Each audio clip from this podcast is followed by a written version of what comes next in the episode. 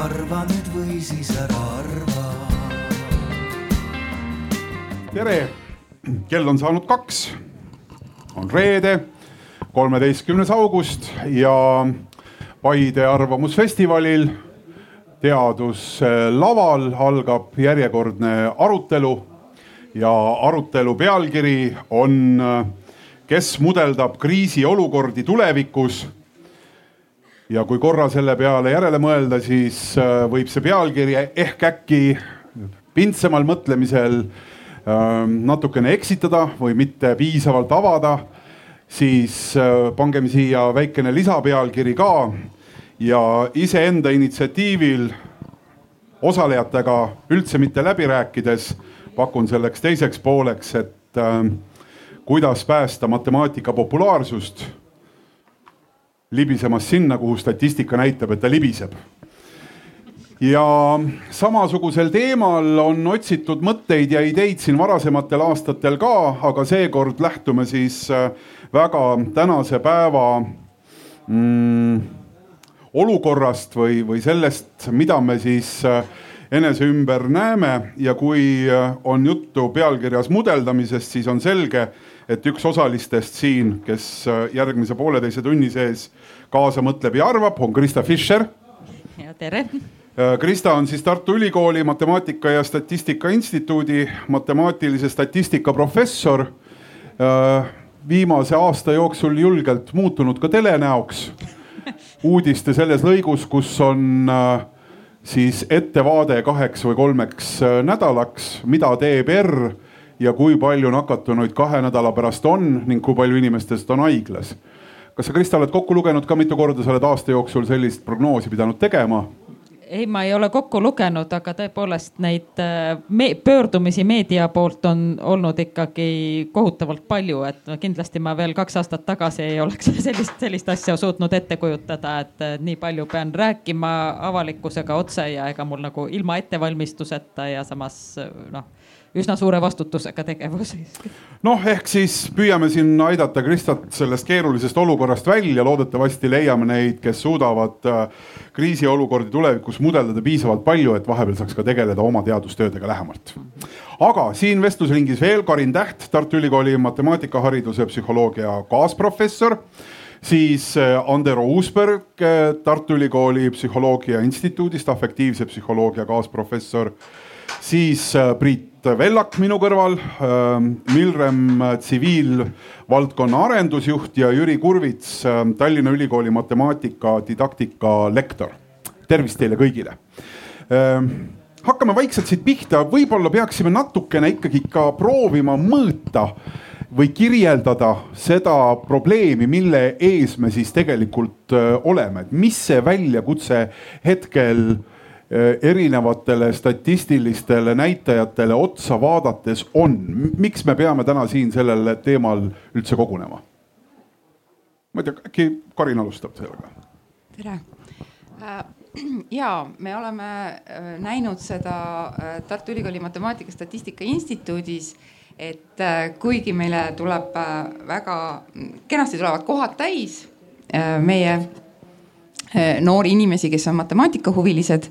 Äh, tuleb ka äh, magistratuuri neid õppima, aga, aga me näeme, et neid on vaja mujal ja neid on, neil on huvi ka muu, muuga tegeleda ja, ja neil läheb mujal väga hästi, kui nad mujale läheb, lähevad.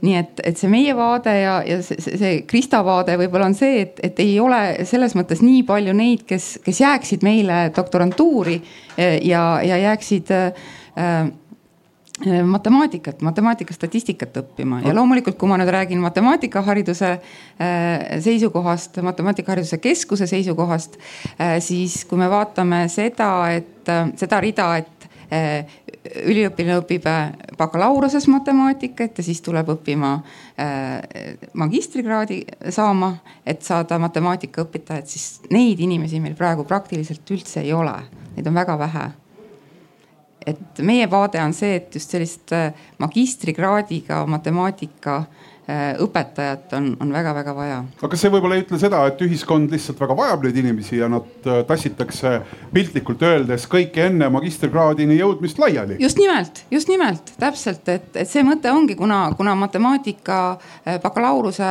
haridus on universaalne ja, ja ka mujal loodusteadustes on, on vaja seda põhja et see on väga hea, ka inseneerias on, on väga hea omada äh, matemaatika sellist tugevat põhja all edasi veel nagu kui gümnaasiumis mm. -hmm. et jah, ma jah ütlen, kui sa juba mainisid mind, võin ka siia vahele öelda, et ma olen ka vahel meie tudengitele öelnud, et neil on nagu vedanud või mõnes mõttes, et nendel, kui nad on matemaatikat õppima tulnud, et tegelikult on veel erialavalik ees. et nad ei ole oma lõplikku valikut teinud, sest selle matemaatika baasilt sa saad veel mõelda, et millega, mis valdkonnas sa tahad nagu matemaatiku või statistikuna tegutseda ja et kui sind huvitab äh, bioloogia, saad teha koostööd bioloogidega, huvitab meditsiin, saad arstidega koostööd teha ja huvitab hoopis äh, majandus, saad hoopis sinnapoole finantsmatemaatika poole vaadata, et neid nii, niivõrd palju on neid erinevaid võimalusi veel, aga kahjuks jah, äh, tegelikult see oluline võimalus, et läheks ja õpetaks seda teistele noortele, et saaks seda sära silmadesse just selle seal matemaatikatunnis ka noortele ja, ja saaks neid rohkem äh, meie juurde, et, et seda mõtet võib-olla ei tule nii paljudel pähe, et kõik muud valdkonnad tunduvad kutsuvamad ja võib-olla ka tasuvamad. Et kuidas me saaks ka rohkem neid, kes, kes aitavad seda asja edasi kanda veel. Priit Milrem teeb sellel aastal suurt töötajate arvu hüpet ja, ja need inimesed, kes teile peaksid tööle tulema, nende tagataskus, kas vasakus või paremas, suur osa või suur hulk matemaatika teadmisi peaks olema. kui lihtne teil selle töötajate arvu kasvatamine on praegu ähm,? Ma ei ole kindel, kas see sees on, on. Küll vist ja äh,. raske on. Selles mõttes, et äh, see matemaatika nagu siit ka läbi käis, on selline, ongi see baas nagu tase, et sul peab olema tugev matemaatiline äh, baas, et sa saaksid teha selliseid äh, ähm, inseneeria töö, töid ja, ja selles mõttes see äh, inimeste äh, tööle võtmine on praeguselt veel raske, et Milrem on olukorras, kus me peame äh, oma töötajaid ise välja koolitama, et äh, selliseid äh, Äh, ja selle jaoks ongi hea, kui seal on see kõva matemaatiline äh, baasteadmine all matemaatikat te ikkagi ju ei õpeta neile enam, et see teadmine peab ikkagi olema kaasas. täpselt, see võiks äh, alguse saada kodust ja pärast seda ka kõrgkoolis. kas me ei saa nüüd siin oma seda vestlusringi kiiresti ära lõpetada ja minna festivali põhitegevust äh, kuluaarides vestlust ja, ja head toitu nautima. laiendame lihtsalt vastuvõttu ja finito finito, ongi kõik hästi. Krista jah, äh, see on hea küsimus, et, et ma arvan, et tõesti äh, just selle Kaarini jutu peale ma ka mõtlesin, et tegelikult jah, see, et saame kohad täis, et see ei ole tegelikult see, mida me tahame, et tegelikult mina näengi lähenemist selles või lahendust selles, et meil peab olema palju rohkem neid, kes tulevad meie juurde, et siis jaguks neid ka igale poole, nii Milremisse kui kooli õpetajaks. Ja, ja seetõttu jah, see vastuvõtu laiendamine on äh, on vajalik ja on võimalik, aga, aga seda saab laiendada siis, kui on, keda vastu võtta ja, ja selleks peab kõigepealt olema ikka piisavalt suur huviliste seltskond. no selle sissejuhatuse ringi lõpetuseks proovides veel ühte küünilist nalja teha, siis võib-olla see paik, kus Tartus või siis ka Tallinnas matemaatikat õpetatakse, et seal tuleb teha ära remont. et ma just äh, kuulsin ja, ja nägin, kuidas äh, Tallinnas ühte äh, majja Kadriorus ei leita ühte inimest tööle ja siis selle peale kuulutati välja remont, et äkki siis nagu tuleb, et, et võib-olla no, teil on vaja lihtsalt samasugust hüpet teha. meil on selles mõttes ettevalmistus tehtud, me töötame väga-väga vahvas majas majas, Delta majas. ah sa pagan, no siis jah, siis ei ole muidugi sellest ka. me oleme valmis kuulge, mis häda on, me nüüd oleme kombanud ja natukene ikkagi ära kirjeldanud, võib-olla mitte arvuliselt päriselt, et kui suur vajadus, kui suur puudus see on. ma isegi usun, et seda ei ole võimalik ka päriselt äh, sellist äh, tõde väga täpselt peegeldavate arvudega kirjeldada, aga see tundmus on ühest küljest, et on puudu ja teisest küljest ma panen siia lauda veel ühe tundmuse, äh, mille osas tundub natukene sõltub ka sellest, kellega räägid. et mõnikord äh, ikkagi öeldakse, et ei, et ju ei ole sellist tõrksust aga siiski ütleme, tunnetus on selline, et ka kui siin Paides, võib-olla mitte teadusalal, aga kõndida siin äh,, siin ringi ja küsida ütleme kahekümne inimese käest, siis neist ehk viisteist tõenäoliselt ütlevad, et äh, neil koolis võib-olla ikka selle matemaatikaga väga ei olnud ja üldiselt on selles mõttes väga hästi, et enam väga tegelema ka ei pea et see mingi selline tunnetus on, võib-olla ma tiražeerin nüüd seda lihtsalt ettekujutust sellest, aga siiski märgates teid ka noogutamas, te ilmselt seda arvamust jagate. Andero, miks me kardame matemaatikat?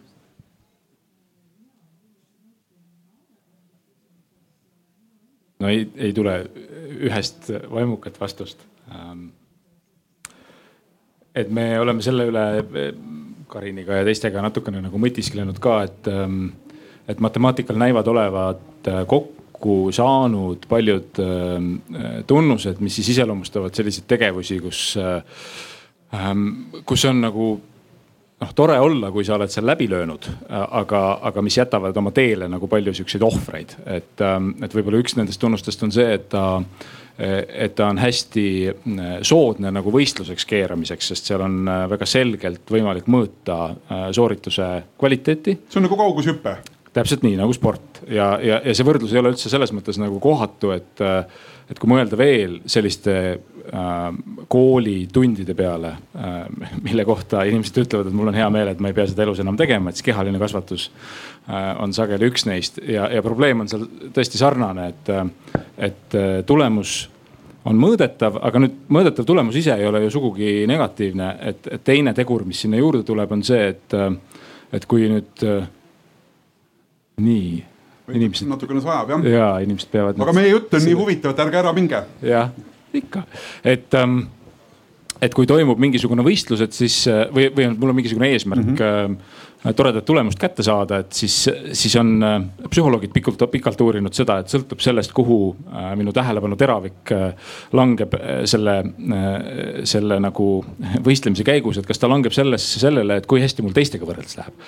et kas ma olen kiirem kõrvalrajal olijast või ta langeb sellele, et kui hästi mul endaga võrreldes läheb ja, ja et selles nagu reaalteaduslikus ja matemaatilises kultuuris on mingil põhjusel üsna tugevalt minu meelest sees selline äh, omavaheline võistlus. et, et need, kellel see hästi välja tuleb, kipuvad selle üle uhked olema, kipuvad seda nagu signaliseerima, kipuvad sealt välja lugema äh, sihukest kvaliteedimärki enda kuidagi nagu sügav, sügavamatele omadustele äh,. ja, ja me võime siin nagu noh proovida natuke neid igat ühte nagu lahti hakata hammustama, aga et võib-olla praegu piisab sellest, et, et tundub, et siin saab kokku klaster ähm, mingisuguseid tunnuseid, mis muudab selle tegevuse siis sellisteks, selliseks, et, et väike hulk äh, edukaid äh, tunneb ennast väga hästi ja, ja suur hulk äh, neid, kes, kes ei, ei, ei saa seda edu, edu, eduelamust kriitilisel hetkel teevad järelduse, et, et asi on minus ja minu suhtes matemaatikaga ja rohkem siin midagi nagu arutada pole võib-olla siit võtan selles mõttes üle, et, et ja kusjuures see eduelamuse puudumine võib äh, tuleneda üldse mitte võimete puudusest, vaid näiteks sellest, et, äh, et õpilane puudus koolist äh, mingi teema ajal, mida on vaja tegelikult selleks, et järgmist teemat aru saada, kuna matemaatika teemad on omavahel niivõrd seotud ja üles ehitatud järjest, järjest, järjest. ja, ja, ja tõepoolest, kui midagi alt on puudu, siis võib tekkida täiesti põhjendamatult selline arusaam, arusaam, et oi, et nüüd ma olengi selline, kes ei saa aru. et, et see on kindlasti raskendav asjaolu, et, et sa ei saa nagu alustada puhtalt lehelt, sul peavad olema eelteadmised kogu aeg mm. -hmm. ma võib-olla lisaks siin, et äh, väga tihti ju tekib äh, esimene niisugune negatiivne emotsioon seoses matemaatikaga suht juba algklasside seal lõpupoole, võib-olla kolmandas klassis, kui märgatakse, et mina näiteks äh, arvutan tunduvalt aeglasemini kui teine ju see mulle ei sobi, ju mulle matema matemaatika ei ole minu jaoks Te. tehakse väga varakult, tehakse, pannakse endale just ju lipik külge, et mina ei ole matemaatik. Ehm, matemaatika ei ole mitte kuidagi seotud eh, kiirusega. Ehm, ja me ei saa väita, et laps, kes ma ei tea, näiteks seitsmeaastaselt kiiresti arvutab, et temast saab matemaatik. kunagi oli uuring isegi, et et äh, esimesse klassi sisseastujaid testiti matemaatikas, vaadati, kes oli tugev matemaatikas, oli. ma arvan, et äh, seda, see ei ole uuring, see ja. on reaalsus vähem kui kuu aja pärast no,. jah, jah, varsti on reaalsus ka see on ju, aga lihtsalt need teadlased äh, uurisidki neid samu lapsi pärast aasta lõpus ja mitte mingisugust korrelatsiooni ei olnud selles, kui head tema teadlased olid seal esimesel septembril või kolmkümmend üks mai nii et äh, tegelikult äh, me peame siin mõtlema rohkem selle peale, et need äh, arvutamise, ütleme strateegiad oleksid efektiivsemad. väga tihti lapsed lahendavad midagi äh, aeglaselt puht sellepärast, et tal on ebaefektiivne strateegia.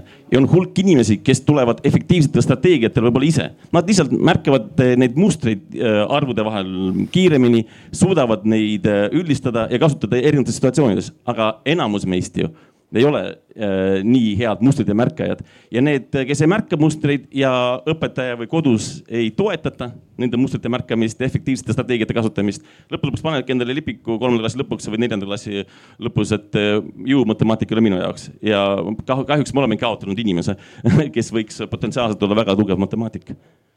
Jaak Krista jah, mina ise olen ka just mõelnud, et tegelikult äh, mulle tundub, et asi ei ole mitte selles inimese nagu mingisuguses müstilises võimekuses aru saada, et on midagi matemaatikas, millest inimene ka suure vaevaga aru ei saaks, mõni inimene, vaid just, et see mõtlemise kiirus. Ja ma olen ka näinud, et äh, edumeelsemates koolides, kus õpetatakse näiteks matemaatikat mitmes rühmas, nimetatakse neid mitte tasemerühmadeks, vaid temporühmadeks just sellepärast, et rõhutada seda mõtlemise kiiruse erinevust erinevust, mis on nagu meil kõigil, me, kui me jooksus võistleme, oleme erineva kiirusega ja osaliselt on see meile juba geenidega kaasa antud, võib-olla see kalduvus ja, ja samuti ka see matemaatika, see arvutamise kiirus, aga see ei tähenda, et me nagu ei suudaks siis teha, eks ju, et matemaatikas just, et on vaja mõnedel rohkem aega ja võib-olla jah, peabki mõtlema, et kuidas anda kõigile piisavalt aega, et ikkagi jõuaks selle tulemuseni jah, nagu räägivad teadlased, ei ole inimesi, kes ei ole võimelised matemaatikat õppima. lihtsalt mõned õpivad kiiresti mõned aeglaselt, aeglasemini, on kõik. Ehk me selle õpetamise juures nii-öelda optimeerime selle õpetamise tempo kuhugi. Ja on selge, et siis seal sellest tempost on, on nii aeglasemad ja tõenäoliselt ka kiiremad, kes siis selles matemaatikatunnis mingil hetkel igavust tunnevad no see ongi õpetamise kõige suurem kunst, on ju sa pead igale lapsele pakkuma just selle väljakutse, mis on talle raske, aga jõukohane. läbi väikse pingutuse peab sellega hakkama saama, muidu ei toimu ju arengut. kui sa lahendad liiga lihtsaid ülesandeid, on ju, siis ei toimu midagi head ja kui sa saad ülesande, mida sa ei suuda lahendada, siis sellest ka midagi head ei tule. nii et see on õpetajal ja õpetaja jaoks suur väljakutse, kuidas jõua, jõuda iga õpilaseni mm. -hmm. Andero haaras mikrofoni järgi vahepeal et lepitakse kokku, kes räägib mindset'i juttu. kes räägib psühholoogide äh, sihukese leivanumbri ära, et, äh, et ma arvan, et siin meil oli, on ju äh, kiusatus libiseda noh, niimoodi nagu õppekorralduslikku kriitikasse. et, et, et midagi õpetada kiiresti või aeglaselt. Aga psühholoogidena meeldib meil tähele panna seda, kui Äh, asjade tagajärjed ei sõltu mitte sellest, mis päris maailmas on, vaid sellest, kuidas inimene mõtleb sellest. ja, ja, ja nüüd selle õppimiskogemuse juures on hästi mitmetes valdkondades näidatud seda, et, et on vaks vahet selles, äh, kuidas õpilane ise tõlgendab oma raskusi. et kas ta raskust ähm, tõlgendab nõnda et see on, et see on peegelpilt minu olemusest, et kui see ülesanne ei tule mul välja, siis järelikult ei ole mul vastavat võimet. Ja on mõned erialad või mõned alad, kus me äh, viljeleme sellist mõttemudelit, näiteks muusika viisi ei pea, noh järelikult sul ei ole musikaalsust. Äh, spordis samamoodi ja, ja noh, matemaatikas ka. ja on, on mitmed teised alad, näiteks kartuli koorimine, äh, kus äh, esimest korda ei tule välja, öeldakse, et noh, et õpi uuesti või, või vaata, kuidas sa targemini saaks teha või, või harjuta lihtsalt, hakkab tulema küll. ja, ja seda on siis psühholoogid eristanud kui kahte sihukest viisi, kuidas iseenda võimeid nagu mõtestada, et, et ühel juhul ma ei teagi, iseenda sooritust, et ühel juhul ma arvan, et, et sooritus on kinni ainult või ennekõike võimetes. teisel juhul ma arvan, et sooritus on ennekõike kinni töös. ja nüüd sõltuvalt sellest, kuidas ma mõtlen, ma hakkan kogema ka oma raskusi erinevalt, et kui ma usun, et, et see matemaatika ülesande sooritus sõltub mu võimetest ja see ei tule mul välja, on väga loogiline järeldada, et järelikult mul neid võimeid ei ole aga ma usun, et matemaatika ülesande sooritus on nagu kartuli koorimine, et kui see ei tule mul välja, siis mul on kas vale tehnika või ma ei ole piisavalt veel nagu vilunud. et siis see järeldus on hoopis teine, et järeldus on see, et võib-olla ma võiks rohkem proovida ja, ja uusi tehnikuid äh, õppida no võib-olla eh, siia veel lisada see, et ega siis eh, me ju elame ühiskonnas ja me sõltume ka sellest, mida teised inimesed arvavad, eriti nooremad. Eh, et kui me mõtleme õpilaste peale, siis ju samamoodi Andero kirjeldas, kuidas inimene ise mõtleb. aga, aga kindlasti mõjutab ka see, kuidas teised mõtlevad, kuidas vanemad inimesed, et kui kogenumad inimesed ikkagi ütlevad mulle, et sa lihtsalt ei oska või nad ütlevad, et sa oled vähe pingutanud, et püüa veel, et vaata siit ja sealt ja õpi veel, eks ole, et see on väga erinev suhtumine jah, et siin on, mul just tuli selle kartuli koorimisega see mõte ka, et jah, tõepoolest, et laps vaatab, et kui vanaema saab selle kartuli koorimisega suurepäraselt hakkama, et noh, küll ma ka kunagi saan, aga, aga kui seesama vanaema räägib, et juba temal oli koolis matemaatika kõige vihatuim aine või, või kõige matemaatikaga raskusi, siis ja laps vaatab, et nojah, meie peres ongi see asi nii. tegelikult on, seda ütlevad matemaatikaõpetajad, et see on väga raske on ületada seda, seda, seda jah, hoiakut, mis juba kodust kaasa antakse, et aga see ongi nii raske. Priit, tahtsid lisada midagi? Äh,. ei tahtnud. ei tahtnud, väga hea. kui sa, Andero, tood mängu selle kartulikoorimise tehnika, siis äh, kui ma mõtlen selle matemaatika õpetamise peale, jah, siis äh, erisusest meenub mulle kitsas lai, et äh, aga ma ei tea, kui palju seal sees meetodid erinevad, kui palju need tehnikad erinevad. kas me täna, äh, vaatan Jüri poole võib-olla rohkem, et kui laialt meil neid tehnikaid, kuidas saada kõigepealt üldse ree peale eks, et kuidas saada üldse nii-öelda noh, asjad käima arvutajuga, mis peaks olema üks esimesi samme üldse matemaatikas, eks ju. et, et kui erinevaid tehnikaid meie täna õpetajatena siis ühiskond, me, kes me oleme täiskasvanud, kes me lastega tegeleme matemaatika maailma uksest sisse juhatamisega, eks ju. kui palju meil neid tehnikaid üldse on? rohkem või vähem kui kartulikoorimistehnikaid? tegelikult neid tehnikaid ikka väga palju aga eks me ikkagi, kui tegeleme lastega matemaatikaga, vahet ei ole, kas on viieaastane või ma ei tea, kümneaastane laps, siis me kasutame ikka enam-vähem samu, reprodutseerime samu tehnikaid, mida kasutati meiega. Ja, ja, ja kahjuks äh, on ähm, matemaatika üldjuhul inimeste jaoks mingisugune äh, kindlaks määratud äh, faktide ja algoritmide äh, kogum, mida tuleb reprodutseerida näiteks algul on see reprodutseerimine lihtsalt loendamine on ju, üks, kaks, kolm, neli, viis on ju. pärast me mingi hetk õpime äh, siis äh, need kordustabelid pähe, siis me õpime mingisuguse, ütleme ruutvõrrandi lahendusvalemi pähe. Ja, ja, ja siin on fookus üldjuhul mingisuguse asja kas meeldejätmisel või siis äh, algoritmi nagu kordamisel, noh mingi ruutvõrrandi lahendi valemi treenimisel. Ja see algab juba tõesti täitsa, ma ei tea, kolme, kolme aasta vanuselt lastelt et äh, see fookus on meil olnud äh, vales kohas, ma ütleksin, et ähm, väga vähe on seda maailmaga suhet, suhestumist, et äh, väga palju on siukseid kunstlikke ülesandeid ja mis ei ole reaalse eluga ka seotud.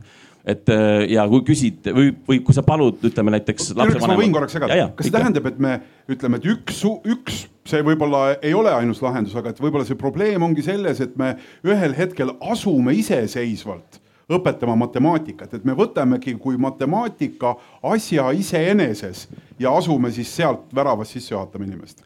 jah, et äh, täitsa, täitsa nõus ja, ja kui sa ütled van, lapsevanemale, et tegele matemaatikaga, mis ta teeb, ta võtab töövihiku lahti, annab selle ette, hakkab lahendama no,. selle asemel, et seda maailma läbi matemaatika prisma vaadata, matemaatika keelt selleks kasutada ja, ja siis kirjeldada matemaatika abil seda reaalset elu, onju kui ta matemaatika keeles kirjas juba, siis lahenda see matemaatika vahenditega ära ja kui sul on tulemus käes, siis mine tagasi reaalelus olukorra juurde ja tõlgenda oma tulemust. vot see ongi nagu matemaatika, vot see ongi see matemaatiline mõtlemine. ma arvan, mida on vaja teil eriti. ja absoluutselt ja äh, minu arust on nagu oluline, et äh, inimesed nagu indiviidi tasemel saaksid aru, et kus ja kuidas neil on võimalik seda matemaatikat enda eh, heaolu parandamiseks ära kasutada. et ähm, ma olen ka täiesti nõus, see peab olema nagu reaalse maailmaga seoses, et keeruline on aru saada, et kus sul seda äh, Pythagorase teoreemi läheb vaja või, või äh, kus seda äh, liitintressi ära kasutada, aga tegelikult need on mõlemad suurepärased asjad, mis sinu elujärge parandada saavad. Ma hakkasin nihelema sellepärast, et meie publikus on käsi, Madis Vasseri käsi on püsti, aga ma ei näe, Madis, millega ma saaksin sind visata, et siin oli üks selline mõnus pehme asi, millega sai inimesi loopida, aga ma praegu ei näe, kus see, ahah, ahah, on siin, oot-oot, ma tahaks ikka Madist visata ise sellega. anna, see ja üks selline, nonii, püüab. aitäh, härra. võrkpallikoondis ootab teid, aga nii. nii ja töötab ka jah? ja. Aitäh äh,. Mm, ma kuulasin seda arutelu ja mõtlesin just siukse motivatsiooni peale, et kuna pealkirjaks oli, et ikkagi, kes mudeldab tulevikku, siis äh, kas seal ei või olla see, et, äh, et noored valivad pigem nagu siukse ignorantsuse, sest kui sa saad päriselt numbritest aru, siis sa vaatad, see tulevik, mida praegu mudeldatakse, on päris õudne. Et võib-olla parem on sellest mitte aru saada. ja võib-olla või, või on teine sihuke motivatsioon, miks mitte minna sinna rajale, on see, et, et sa näed, et tänapäeval sihukest matemaatilist teadmist võib-olla kasutatakse ära pigem nagu kuskil äh, justkui negatiivsetes arengutes, et kas siis intensiivses tööstuses. ma ei tea, kas keegi on Mildremist näiteks eetilistel põhjustel loobunud kandideerimast, see oleks huvitav teada, et, et, et selle teadmiste või oskustega kaasneb ka niisugune mingi taak võib-olla ja Madis, ma saan su nagu mõttest väga hästi aru, aga, aga sa oled ka võib-olla juba noh, habe kasvab ja, ja pea läheb paljaks, et me oleme sellised vanad mehed, me vaatame läbi negatiivse prisma. ma võiksin keerata nagu positiivseks, eks ju, et kui teada, kui, kui on selge, et perspektiivi kirjeldatakse väga keerulisena, siis matemaatika võiks anda vastuseid, et kuidas seda tendentsi pöörata, mida selle jaoks päriselt vaja on. noor inimene, kes tahab päriselt maailma muuta, eks ju, läbi matemaatika ma saaksin näha mis need sammud tegelikult seda negatiivset prognoosi suudaks mõjutada, et äh, see võiks olla jälle see, mis neid noori selle matemaatika juurde aitab. aga kas keegi tahab kommenteerida veel Madise mõtet? Mul tuli siin just see mõte, et noh, siis tuleb ikka statistikat ka õppida, et, et mudelid on tavaliselt äh, juhusliku komponendiga, need, mis reaalsust kirjeldavad, et, et, et ükski ei saa teha sellist mudelit, mis täpselt tulevikku ennustab, et ta annab ikkagi sinna ka juurde veapiirid ja siis me teame, et mudelil on olemas eeldused ja prognoos kehtib ainult nendel eeldustel. ja, ja kui eeldustes miski muutub, siis muutub ka tulevik, eks ju, ja noh, muutub see prognoos nii et, et tegelikult jah, just ma arvan, et need inimesed, kes äh, asjadest nagu sügavuti rohkem aru saavad, neil on ka vähem sellist hirmu selle mudeli prognoositud tuleviku ees, sest nad saavad aru ka sellest, äh, nendest võimalustest ja, ja eeldustest ja, ja sellest juhuslikkusest sealjuures. Andro see tuleb nüüd niimoodi natuke pikem ja loog-, looklev, aga ma tahtsin kõigepealt öelda seda, et minu meelest äh, Madis, su esimene hüpotees on vale, aga teine on õige.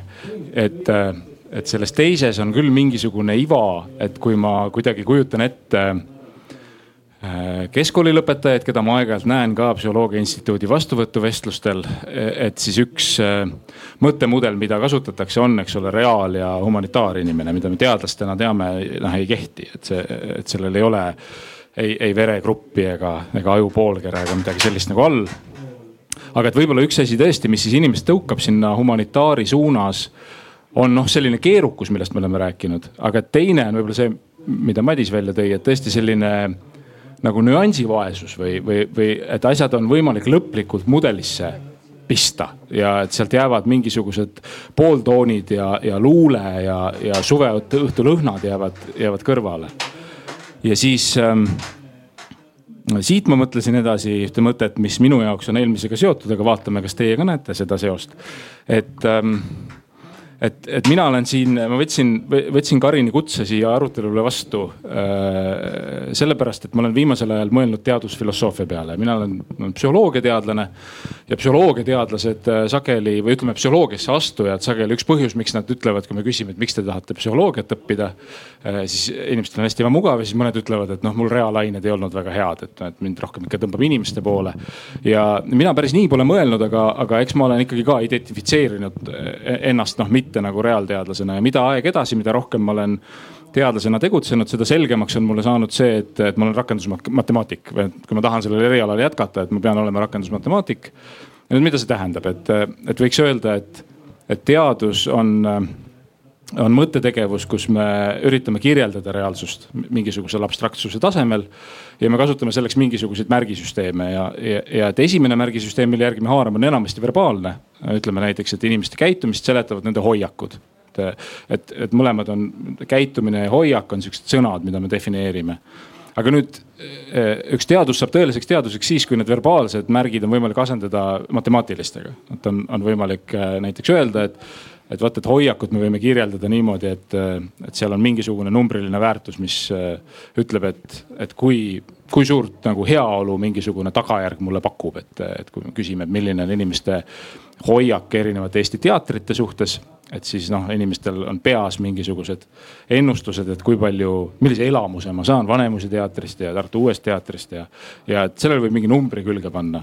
ja, ja siis selgub, et et äh, nii me päris hästi inimeste käitumist veel ära ei seleta, et meil on ühte numbrit veel vaja, et, et on vaja äh, teada ka seda, et millise tõenäosusega inimene ootab, et, et ta saab selle hea elamuse igalt järgmiselt Vanemuise teatri etenduselt ja siis selgub, et, et hoiaku matemaatiline mudel on nagu kahe suuruse korrutis. et see on, et see on nagu see väärtus, mida teatrielamus mulle pakub, korda tõenäosus, mida Vanemuise teater mulle, millise tõenäosusega Vanemuise teater mulle seda pakub. millega praegu tahan illustreerida lihtsalt seda, kuidas liikuda verbaalselt kirjelduselt nagu äh, numbrilisele või matemaatilisele kirjeldusele. ja mulle tundub, et seda teevad kõik teadused ja, ja et noh, mõnel tuleb see lihtsamalt, mõnel tuleb raskemalt ja, ja, ja nüüd on see, on see koht, kus äh, noh, matemaatika on minu jaoks muutunud võluvaks. et tal tõesti noh, võiks küsida, et, et noh, aga milleks minna sinna matemaatilisele tasandile, et võiks jääda ju verbaalsele tasandile, aga et, et, et, et kui sa saad minna sinna matemaatilisele tasandile, see on see, mis sina ütlesid.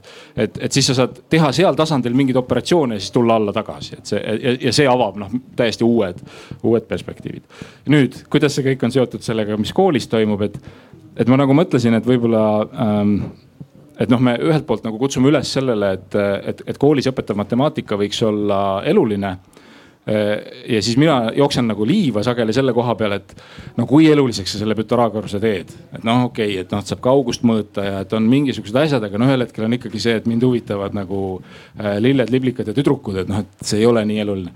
et, et võib-olla oleks nagu huvitav, kui, kui kool suudaks anda nagu selle kogemuse, mida ma kirjeldasin oma neljakümnendas eluaastas teile, et, et, et on mingisugune hoomamatu värk mille ma panen mudelisse. Et, et see, et see ei olegi mulle kasulik, aga lihtsalt see nagu see kogemus, et, et vaata, et see Pythagorase nagu teoreem, et vaata, et tõesti kõik kolmnurgad seletab ära, et kujutad sa pilti, sihuke värk ja et võib-olla see selline elamus nagu aitaks natuke selle Madise mure vastu, et, et kui inimene noh, nagu arvab, et, et ah, et see matemaatika on kuidagi nagu nii fikseeritud ja kõik on nagu nii paigas ja ma olen nagu lipsustatult on ju teen mingit finantsmatemaatikat ülejäänud elu, et see on nii igav on ju. tegelikult vastupidi, et see on nagu, et see on nagu mingi keel, millega sa saad hakata tabama mingit tabamatust on ju. -hmm ja Jüri. aga selleks ongi vaja anda lastele koolis võimalus matemaatikaga ise tegeleda. Et eh, hetkel väga tihti me näitame, kui hästi meie oskame matemaatikat tahvlis õpetajatena. aga selle asemel, et luua keskkond, kus nemad hakkaksid seda matemaatikat avastama et kui seda avastamist, matemaatika tegemist oleks rohkem meil, siis oleks ka nad eh, tunduvalt julgemad. et me teame kõik, et matemaatikaga saavad tegeleda ainult julged inimesed. et aga see, miks ainult julged saavad tegeleda sellega? sest äh, matemaatikas on väga oluline proovida, eksida, alustada uuesti, uuesti uusi mustreid kirjeldada, eksida uuesti, näidata teistele, näidata teistele, võrrelda lahenduskäike ja siis minna oma lahenduskäigu juurde tagasi ja seda veel äh, paremini esitada võib-olla, et. Äh, siis võib-olla mitte ka ainult julged, vaid ka enesekindlad inimesed, eks ju. jah, jah, mhm. jah. matemaatikaga ei saa tegeleda, kui sul ei ole võimalus eksida kuidas sa saad avastada midagi, kui sul ei ole lubatud eksimine näiteks tunnis?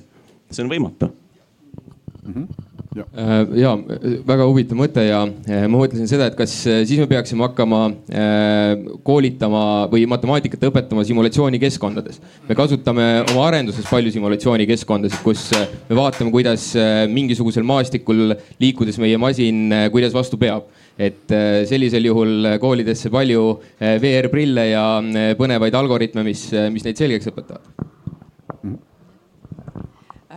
Madis, kas me vastasime? muidugi võib-olla ei vastanud, aga, aga ma ei tahaks ka lasta nagu päris psühholoogidel ära kaaperdada seda vestlust, et natukene seda lõhna juba hakkab tulema siit, et püsiks selle matemaatika ja, ja selle väljakutse juures. ehk noh, Jüri, kui sind kuulata ja ma olen sind nüüd kuulanud äh, mitte ainult täna, vaid ka kahe hooaja jooksul maailma kõige targema rahvast salvestades, millest muide tuleb uus hooaeg, kutsun kõiki septembri alguses vaatama, lihtsalt kõrvalmineku eh, korvas. siis ühest ma olen küll aru saanud, et me tegelikult täna teemegi koolis matemaatikaga ikkagi väga palju ühest küljest liiga ja ei tegele seal õige asjaga. et kuidas seda nagu päriselt ära muuta, ses mõttes, et me ju nagu katsetanud ja püüdnud ühte või teist oleme kogu aeg, aga et, et mis see muudatuse samm peaks olema, et see matemaatika avalduks õpilasele koolis teisel moel ja teisel kombel. see on muidugi küsimus kõigile, et aga Jürist võiks alustada. väga hea küsimus, et ähm väga tihti võiks öelda, et väga tihti meil koolis unustatakse üldse matemaatikatunnis, et eh, peaks nagu tegelema matemaatikas ja matemaatikaga seal. ja väga tihti kuuleb nii õpilaste käest kui ka tegelikult ka õpetajate käest ja lapsevanemate käest, et, et oluline on, ma ei tea, teha üheksanda klassi lõpueksam matemaatikas hästi või gümnaasiumi riigieksam matemaatikas hästi. ja, ja lõppude lõpuks äh, selgub, et kogu matemaatika õppimise eesmärk on sooritada hästi eksam. eksam, hästi sooritatud eksam, see võiks olla selle matemaatika tegelemise kõrvalprodukt. hästi, näiteks ma ei tea, üheksakümmend viis matemaat-, üheksakümmend viis punkti näiteks matemaatika riigieksamil või viis põhikooli lõpueksamil on ju. et äh, see võiks olla kõrvalprodukt, aga väga tihti unustatakse ära, et see on kõrvalprodukt ja pannakse see nagu siis nagu etalonina ette, et vot see on mu eesmärk elus. no ei saa olla eesmärk, ma ei tea, riigieksam üheksakümmend viis punkti saada. et ma arvan, see on väga suur probleem, millest me kuidagi peaksime nüüd äh, jah jagu saama et ja võib-olla, võib-olla peaks mõtlema ka seda riigieksami ja lõpp, põhikooli lõpueksami ütleme kaasajastamise peale ka et meil on ikka ta ikkagi suht sarnane olnud aastaid-aastaid juba. et võib-olla ka see ajale jalgu jäänud, et küsimusi väga palju siin. ja et tegelikult ju me räägime siin äh, matemaatika õppimisest ja õpetamisest, aga kui me õpetamise peale mõtleme, siis äh, hästi oluline on ju äh, mitte niivõrd õpetada seda õppeainet, kuivõrd õpetada inimest, eks ole, et see inimene võib olla ju väga-väga erinev, need inimesed võivad olla väga erinevad õpilased. et selles mõttes, et kui sa oled psühholoogiat õppinud vähem või rohkem, siis sa saad aru, et tegelikult kõik õpetajad, kes kooli lähevad, peaksid ikkagi omama päris häid psühholoogia, neil peaks olema päris hea psühholoogia pagas kaasa, et minna.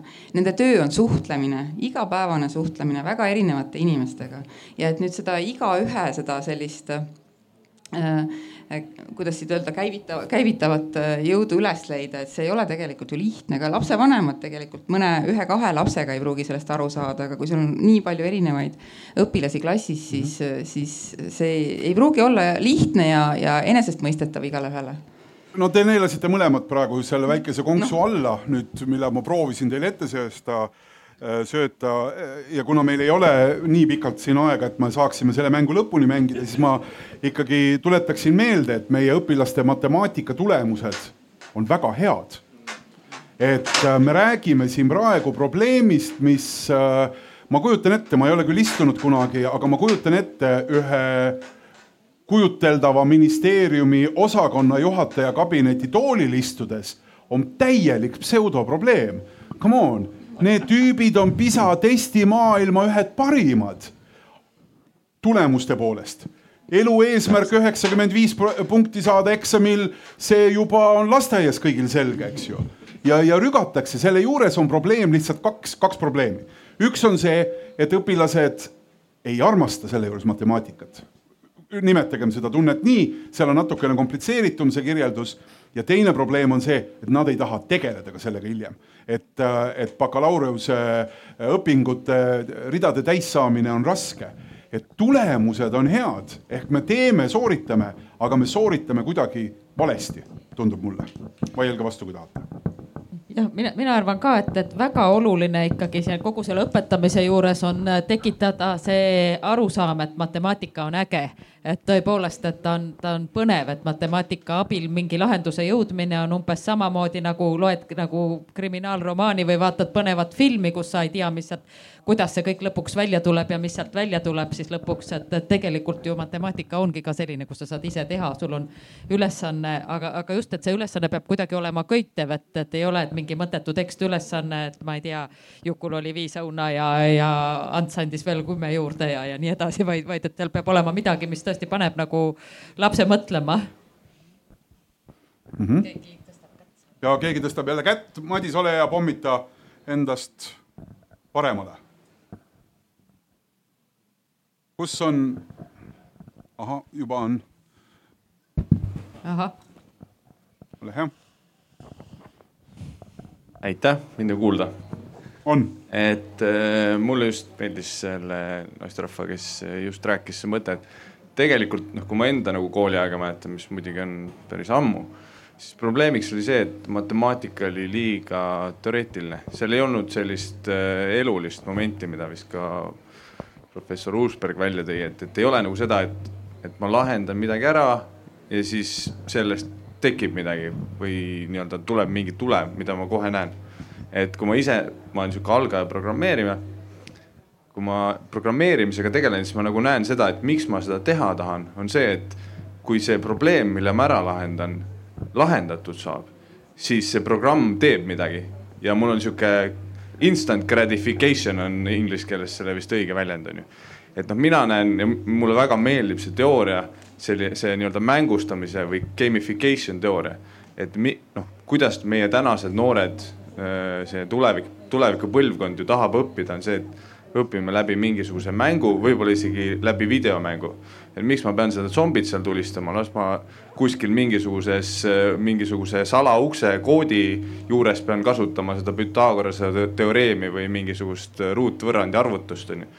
et nagu see on see minu arust, kuhu me jõuame, et kui me suudame nagu selle matemaatika tuua reaalellu ja inimestele nagu selliseks noh, rohkem kättesaadavaks, et sa kohe näed seda tulemit siis see toodab nagu väga palju tulemust, et sihuke huvitav raamat on, ma nüüd võin pealkirjaga eksida, aga umbes mingi sihuke raamat, et see pealkiri oli vist, et uh, How to never be wrong, how to apply mathematics in your life, mingi sihuke ingliskeelne raamat, mis lihtsalt ütleski sulle, et kuidas sa saad endale poes uh, paremini allahinnu, allahindlust tingida ja noh, mingid siuksed väga lihtsad näited onju. et see on, see on see, kus mina näen, matemaatika tegelikult on väga huvitav, mulle endale ka õudselt meeldib aga mina jõudsin selleni läbi selle, et, et see muutus mingi hetk minu jaoks nagu reaalseks ja, ja nagu eluliselt rakendatavaks aitäh. kas ma võin sinu käest ka küsimusi küsida, et, et ma saan aru, et koolis oli sul matemaatikaga pigem selline äh, nagu Lõuna-Eestis öeldakse love-hate suhe, mitte love-love suhe, eks. et kas sa oled olnud seetõttu sinu nagu algaja programmeerimise teekond ka raskem, et sa koolis ei saanud päriselt äh, selle ukse vahelt Äh, mürinal sisse, vaid pigem jäid ukse vahele kõõluma jah, ma olen sinuga selles mõttes nõus, et äh, jätkuvalt minu sellised äh, õudusunenäod on see, et mul on matemaatikaeksam tulemas ja ma ei ole üldse valmistunud, onju. et, et ma ei saa öelda, et ma nagu ei saanud matemaatikast aru, mul oli hea matemaatikaõpetaja, kes selle baasi tegi mulle selgeks. aga noh, ma ütlen, et noh, probleemiks ja üldiselt ma arvan, et see ei olnud nagu tema süü, aga see oli see, et et see oligi võrrand tahvli peal, see ei olnud mingisugune reaaleluline äh, probleemi lahendus. et oleks olnud reaaleluline probleemi lahendus, siis ma arvan, et ka need minu klassikaaslased, kes tõesti ütlesid, et mul on hate-hate äh, sihuke relationship nemad reaalselt oleks sellest paremini aru saanud ja võib-olla teinud ka matemaatikaeksami ja mõelnud, et oh, ma võtan äkki ka mingi matemaatikaine endale ajaloo kõrvale. aitäh aitäh küsimuse eest, kas keegi tahab kommenteerida kohe käigu pealt? Äh, ja võib-olla see PISA tulemuste sissetoomine viis mind mõttele, et ja tõepoolest meie PISA tulemused on, on võrreldes teise, teiste riikide matemaatika tulemustega väga head. aga kui küsida õpilaste käest, et äh, kas nad tahavad äh, jätkata, kas nad tahavad olla tulevikus õpetajad või kas nad tahavad olla tulevikus matemaatikaõpetajad, siis minu arust ma vaatasin andmetest ükskord, et et üle nelja tuhande viiesaja osaleja vist oli ja, ja kas, kas kümmekond neist ütles, et nad tahavad matemaatikaõpetajaks, et tegelikult äh, ja et, et teatud teatud protseduurid me suudame õpe, õpilastele selgeks teha, nad suudavad neid reprodutseerida eksamitel. aga, aga jah, et seda armastust me pole võib-olla neile suutnud edasi anda, et nad tõesti mõtleks ka tulevikus selle peale, et aa, et see on nii äge asi, millega tegeleda, see on nii äge asi, mida teistele edasi anda. et selles me ei ole jah õnnestunud äkki. ma täiendan äh, seda PISA juttu, tegelikult äh, PISA näitas ka seda, et meie õpilased on väga head just matemaatika, ütleme, algoritmide reprodutseerijad, head, ütleme, matemaatika lahendajad. Nad on juba märgatavalt kehvemad äh, matemaatiliste mudelite loojad. noh, see tähendab seda, et reaalne olukord ja seda kirjeldada näiteks, ma ei tea, hariliku murru abil või võrrandi abil või funktsiooni abil. ja veel kehvemad on meie, meie õpilased tulemuse tõlgendamises. Nad saavad kätte, et F kohal null on kolm ja see ongi vastus. aga mis seal taga on? Mis, mis see null tähendab reaal, reaalselt tegelikult, et see on võib-olla mingisugune probleemiga seotud olukord, on ju. ja kolm on see tulemus, on ju, et vastus ei ole kolm, vaid, vaid, hoopis midagi muud, et sul on vaja üle nelja bussi või midagi sellist, millega, millega vaja sõita kuhugi, jah. et vastus, vot, vot, vot selles on meie õpilased juba ka PISA järgi on selge, et selles on tunduvalt nõrgemad. vaesekesed, kes te olete sealpool aga me oleme väga tänulikud kõigile teile, kes te jääte kuulama ja seda ja, ja kaasa mõtlete ja, ja aktiivselt käega märku annate, et seda rohkem ma teie poole vaatan, mida rohkem seda vihma praegu tuleb. aga no loogiline küsimus ju on, te mõistate ise väga hästi, et ma küsin selle peale, et aga mis muudatust see siis vajaks, et me oleme juba tuvastanud, et, et seal koolis on selle õpetamise juures midagi mida peaks tegema tõenäoliselt teisiti, me oleme tuvastanud juba ikkagi, et noh, õpetaja on see, kelle poole me vaatame, aga aga noh, me ei saa ju jääda siia pidama, eks et loomulikult täna kõik matemaatikaõpetajad Äh, lähevad kooli ju sügisel ikkagi parima tahtmisega. võib-olla mõni üksik on, on, mängib teist mängu, eks ju, aga et nad teevad ju oma parimat tööd.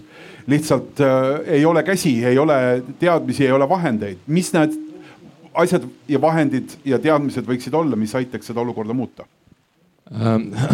mulle äh,, ma vahepealt äh, ütleksin niimoodi, et äh, minu arust see on nagu kuvandi ja sellise definitsiooni küsimus, et mis asi see matemaatika on ja eh, kes on lõpuks see matemaatikaõpetaja, kellest meil puudus on, et kui, kui see matemaatikaõpetaja oleks selline eh, lahtise Ford Mustangiga eh, noor kena naisterahvas, kes teenib palju raha, peab oma perekonda üleval ja kõik oleks väga hea, siis kindlasti oleks ka neid inimesi rohkem, kes tahaksid sinna seda tööd tegema minna, sest see tagab te temale ja tema perele sellise inimväärse elu, eks ole. Aga et ähm, minu arust me oleme jätnud nagu äh, ma olen küll väga karmi teemas, et äh, õpetajate palgad, aga, aga et me oleme, ähm, tasustame keskpäraselt kõige olulisemat otsa, et neid inimesi, kes kasvatavad meie seda järgmist põlve, et me millegipärast neile ei ole võimelised seda mm, raha leidma, et, et nende sellist Ehm, sellist kuvandit nagu parandada, et nad oleksid, tunneksid ennast paremini, et neil oleks rohkem vahendeid neid lapsi õpetada ja et oleks seda inimressurssi või pealekasvu, et kes õpetab lõpuks neid lapsi. No ma ei tea, ütleme, et enamasti öeldakse, et kui sa saad rohkem raha, siis võib-olla kasvab natukene mingite valikute hulk, kes seda raha tahavad saada, aga see sisu kvaliteet nagu väga oluliselt automaatselt ei muutu et, äh, et äh, ma mõtlen, et ühtegi Ford Mustangis õpetajat ma ei ole kunagi näinud ka ja, ja võib-olla selle järgi joonduda, noh ja see oli selline. ja, ja saan aru, ilukirjandus, aga et mis see muudatus seal sees siis peaks olema, vaatan, vaatan siin äh, Kristade, Karini ja, ja, ja Andero poole võib-olla ka, et mis, mis asjad need on, mida me peaksime selle juures tegema teistmoodi. et see teoreetiliselt on arusaadav, aga, aga et kus otsast seda arutama hakata? muidugi siin äh, Milremi esindaja pakkus juba lahendused kõigile lastele, VR-prillid ja igat muud, et, et tõesti, tõesti selliseid ägedaid simulatsioonikeskkonda ja see võib olla, võiks olla päriselt üks asi, mis seda matemaatikat saaks ägedamaks teha, et kasvõi kuhugi kooli selline ring, kus sellised asjad toimuvad ja lapsed näevad, et selleks, et seal midagi lahedat teha, nad peavad sedasama, mis seal õpikus on, seda asja päriselt kasutama. okei okay,, ma küsin halastamatult, kas me teeme täna teadust matemaatika matemaatika õpetamise alal erinevuste osas, Jüri, kui palju seda teadust tehakse täna Eestis? meil on ikka matemaatikadidaktikaga tegeletakse kõvasti jah. ja meil on ikkagi ka Tallinna Ülikoolis matemaatikadidaktika sihukene ekspert, mis, kes on ikka väga arvestatav inimene siin kogu, kogu Põhja-Euroopas. Ja meil on, oleme, meil on head kontaktid äh, siin Norraga ja Rootsiga, Soomega, lätlastega teeme koostööd, nii et meil on ikka väga korralikud äh, sidemed küll, me teeme sellel alal päris palju tööd, aga oleks vaja rohkem tegelikult. meil on päris suured koormused, et ma ütlen, matemaatika didaktika kindlasti vajaks siin vähemalt kahekordistamist. ma vist ei eksi, kui ma ütlen, et suur osa Eesti matemaatika didaktikas tehakse ära ühes perekonnas no eks meil ikka teeme koostööd siin omavahel ka, aga no meil on viimasel ajal väga palju teeme koostööd eh, psühholoogidega. nii et meil see pere nüüd laieneb niimoodi jah, et äh, meil on viimased, ütleme paar-kolm aastat me oleme tegelikult äh, õpetanud kool,, koolitanud tulevasi matemaatikaõpetajaid koostöös psühholoogidega ja haridustehnoloogidega. et äh, mina saan aru, et mina matemaatikadidaktikuna äh, üksinda ei saa nii hästi hakkama, kui ma võiksin saada ja ongi loengutes mitte ainult matemaatikadidaktik, vaid ka psühholoogi, haridustehnoloog, jah et äh, Tartu Ülikooli poolt äh, ütleks siis, et, äh, et ka meil tegeldakse ja kindlasti matemaatika didaktikaga peale see äh, kahe aasta tagust Matemaatikahariduskeskuse loomist äh, loomulikult meil mitte ei tehta ainult koostööd psühholoogi, psühholoogidega, vaid ka psühholoog töötab seal, nimelt mina psühholoogia doktorikraadiga inimene. nii et jaa, see on, see on väga oluline, aga tõsi ta on, et Tartu Ülikooli seisukohast vaadates ikkagi on jäänud mõningane lünk vahele, et praegu seda uuesti üles ehitada, see kahe aastaga, et see on olnud lühike aeg, aga, aga meil on eesmärgid ja me, me läheme sinnapoole, et, et äh, matemaatikaharidusalast äh, teadustööd ka Tartu Ülikoolis teha mm. -hmm. Mul on küsimus, et võib-olla seda juba tehakse, aga et, et ma mõeldes sellele algsele küsimusele, et mida siis teha, et äh, matemaatikaarmastus saaks suurem ja üks vastus, mida, mille osas me oleme ühel nõul, on see, et, et kui ta oleks elulisem Äh, siis äh, armastus saaks suurem ja nüüd võiks mõelda, et äh, võib-olla see koormus ei, või see koorem ei pea jääma kõik nagu matemaatikaõpetajale, et matemaatikatund on hästi eluliseks tehtud, et. et, et ma just siin esinesin teesiga, et, et noh, et igasugune teadus on, on ju rakendusmatemaatika, mis tähendab, et ajalugu, keeled, geograafia ja nii edasi ja nii edasi. Ähm, et tuua üks konkreetne näide, ma hiljuti sattusin lugema näiteks seda, et, et, et paistab, et et äh, sõdade arv ja, ja nendes hukkunud inimeste äh, arv on omavahel äh, üsna selges eksponentsiaalses seoses. et, et, et noh, näiteks on võimalik matemaatiliselt hakata kirjeldama mingisuguseid ajaloolisi aspekte. ja küsimus on siis see, et, et see noh, kõlaks nii, et see on nagu sihuke tööpõld ka teiste erialade õpetajate täiendkoolitamiseks matemaatikadidaktikute poolt. et kas, kas midagi sellist tehakse või, või tundub see teile mõistlik mõte? Meie oleme väga palju te teinud koostööd eh, noh, ütleme keemia, üldse loodusainete õpetajate, õpetajatega. ja ka praegu me tegelikult terve juuni ja juuli oleme koos psühholoogidega haridustehnoloogidega kavandanud uut koolitust pikaajalist jällegi aastast koolitust äh,, sihukest mentorkoolitust äh, koolidele, kus äh, me kutsume mitte ainult matemaatikuid, vaid kohe ka teiste, ütleme reaalainete õpetajatega koos et seda integratsiooni momenti tekitada koos, sest äh, õpetaja tegelikult vajab abi. Äh, õpetaja ise nende asjade peale tegelikult võib-olla tuleks, aga see võtaks nii palju aega. et äh, läbi koostöö jõutakse õigete asjadeni tunduvalt kiiremini et see integreeritus STEM õppeainete õpetamise sees tuleks loomulikumalt, et tegelikult sellest on räägitud aastakümneid, aga, aga igal, igal õpetajal on oma aine, mida õpetada ja omad eesmärgid ja, ja see integreeritus ei, ei, ei tule nii lihtsalt ja võib, võib-olla isegi mõelda veel väljaspoole tõesti, nagu sa vihjasid ajaloole ja sellistele ainetele, mis, äh, mis tunduvad, et ei ole matemaatikaga seoses, aga tegelikult on, et me ühte ainet õpetame kõigile Tartu Ülikooli doktorantidele, sellist statistikaainet ja seal nad pärast räägivad nagu oma tööga seotult, teevad sellise väikse projekti ja ma olen alati olnud nagu üllatunud, et kui palju selliseid põnevaid ka võib-olla pealtnäha täitsa humanitaaria valdkonna töid saab teha just kasutades sihukest päris tõsist statistikat, et tõesti, seal oli lingvistika, ma mäletan üks väga huvitav töö, kus uuris inimene vene luulet läbi sajandite ja näitas seal aegridadega, et millised parameetrid on muutunud ja kõik, et, et oli, oli nagu hästi-hästi huvitav ja näed, seesama statistika, et inimene uurib luulet ja tal on seda matemaatikat vaja, et tegelikult meil õppekavas ju kirjas sihuke asi nagu matemaatikapädevus ja, ja, ja seal ei ole kirjas, et sellega peab matemaatikapädevuse kujundamisega peab ainult õpetaja, õpet-, matemaatikaõpetaja tegelema. tegelikult kõik õpetajad peavad sellega tegelema.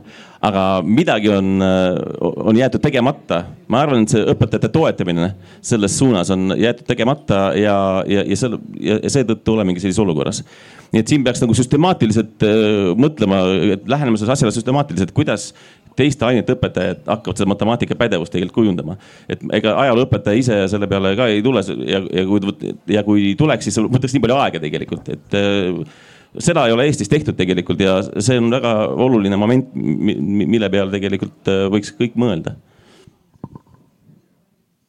mm. -hmm.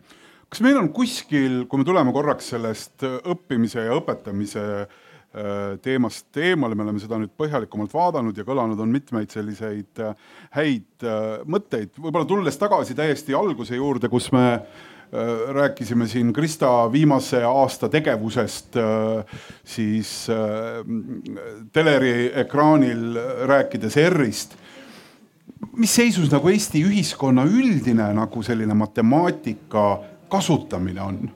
et kas meil on ühiskonnana nagu meie valdkondades äh, piisaval heal tasandil matemaatikat? ma saan aru, et see on selline üsna abstraktne küsimus, aga, aga me kindlasti saame teatud protsesse millegiga siiski siduda, mõeldes selle olukorra peale, kus me täna oleme. jah, et ma võin jah, selline enda mõtteautost mulle tundub, et see võib olla selle pandeemia üks selline positiivne kõrvalprodukt, et inimesed on hästi palju pandud igasuguste arvude peale mõtlema, et terminid nagu noh, kõigepealt juba alates protsendi võtmisest, et kas me räägime vaktsineeritute protsent nakatunutest või nakatunute protsent vaktsineeritutest ja, ja kuidas need asjad erinevad ja, ja või, või, või seesama R või, või eksponentsiaalne kasv, et kõik need terminid käivad kogu aeg läbi ja, ja sunnime mõtlema, et äkki äkki, äkki ka see natuke motiveerib inimesi ka, et, et, et võiks nendest asjadest aru saada, et et tõepoolest jah, võib-olla siin oskavad teised ka kommenteerida. aga kui sageli, ma küsin veel Krista käest ikkagi, aga kui sageli selle juures on no näiteks needsamad ajakirjanikud, enda head kolleegid, et kui sageli nad ikkagi nagu justkui räägivad, et jutt on eetris, aga, aga sellel jutul nagu seal sisulises mõttes puudub, puudub nagu alus, sest ta lihtsalt kordab, et äh, seda, mis ta on kuulnud, ise tegelikult noh, paljastades, et ta päriselt ei saa aru selle asja süsteemist. mina võiks öelda meie ajakirjanike tunnustusest, tunnustuseks, et mina olen Kiiresti kohanud rääpil. väga palju selliseid toredaid ajakirjanikke, kes tõesti pingutavad selle nimel, et aru saada ja ikka enne ei, ei jäta ka mind rahule, kui ma olen andnud neile sellised vastused, millest tema, tema ise aru saab, et ta oskab seda vahendada. et suur kiitus neile, eks loomulikult on inimesi, kes suure kiiruga, nad, neil ongi kiire tempo, ruttu vaja sinna saada see artikkel välja veebiversiooni ja ei ole aega süveneda või, või kuskilt tõlgitakse, eks ikka juhtub, aga, aga ma näen positiivseid tendentse tendentse, et liigub paremuse suunas see asi. Ja, ja kindlasti see on ka ainult positiivselt äh, matemaatika kuvandile toimunud, äh, mõjunud, mis ikkagi toimunud on tõepoolest see mudelite pildis olemine kogu aeg, et see on üks olnud äh, üks suur matemaatika populariseerimise töötuba, võiks öelda niimoodi, et täiesti no selline selle, praktiline. sellel on eelised ja puudused, eks ju, et, et mudel on pildis, aga et see, et mudel ei ole ilmaennustus, sellest vahel ei saada aru, et, et see, et, et jah, et üks asi on see, et öelda, et millal nüüd jälle järgmine vihmaauk tuleb siin, aga teine asi on no, ka... prognoosida seda, mis juhtub selle viirusega kahe kuu jooksul või, või järgmine aasta. no aga ilmaprognoos homseks läheb mõnikord mööda, eks. nojah, aga siis me ootamegi, siis me hindamegi seda mudeli headust ainult selle järgi, kas ta läheb täppi või mööda. aga tegelikult, kui me modelleerime stsenaariumit, et mis siis saaks, kui me mitte midagi ei teeks, näiteks no siin viiruse suhtes. ja, ja siis me räägime sellest, et vot siis saaks nii ja siis pärast öeldakse, aga ei läinud ju nii valesti, et, et miks sa nii vale mudeli tegid, et et, et see on vahel probleem tahtsin siia lisada, et ma olen selle kõigega nõus, et, et, et mina olen ka huvi ja rõõmuga jälginud seda sihukese matemaatilise või statistilise kirjaoskuse nagu paranemist äh, sellel perioodil. aga et ma olen ka äh, erinevate negatiivsete emotsioonidega, mis varieeruvad murest tülgastuseni äh,, jälginud äh, ikkagi selliseid nagu teadusliku ja, ja ajakirjandusliku maailmatunnetuse põrkumisi just selle koha peal, et äh, et see on selge, et, et me inimestena mõistame lugusid hästi.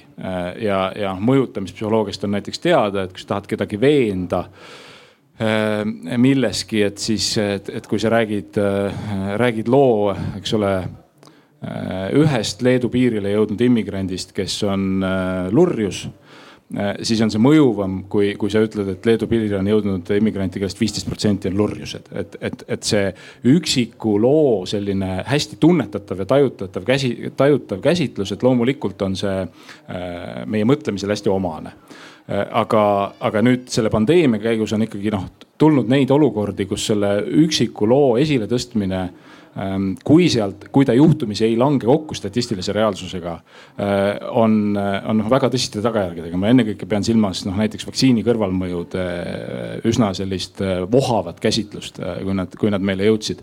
et, ehm, et ma arvan, et siin on, on noh nii head kui halba, et ja ma arvan ka, et ajakirjanduse selline statistiline kirjaoskus on paranenud ja tõenäoliselt publiku nõudlikkus sellele statistilisele kirjaoskusele on oluliselt paranenud.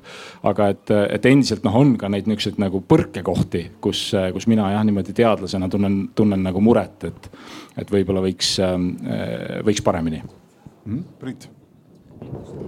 jah, ma arvan, et need olid kõik ähm, head, head mõtted selle ja ma usun ka, et see, see pandeemia on meie matemaatikale selles mõttes hästi mõjunud, et inimesed kuulevad, et meil on matemaatilised mudelid ja ma võin öelda, minu matemaatiliste mudelite mul on olnud nii palju au kokku puutuda, et ma sain oma mõlemas lõputöös modelleerida siis metsakasvu, mis oli äh, minu selline praktiline kogemus matemaatilise mudeliga ja ma ütlen, et äh, ma näen seda potentsiaali, mis äh, nendes on nagu väga hästi, et see küll võib-olla natukene läheb kõrvale sellest teemast, aga tegelikult kui palju on neid huvitavaid ja vingeid aspekte, mida see matemaatika võimaldab nendel inimestel saavutada ja kuhu jõuda, et see on, see on, mulle tundub nagu avastamata potentsiaal mõnes mõttes mm. -hmm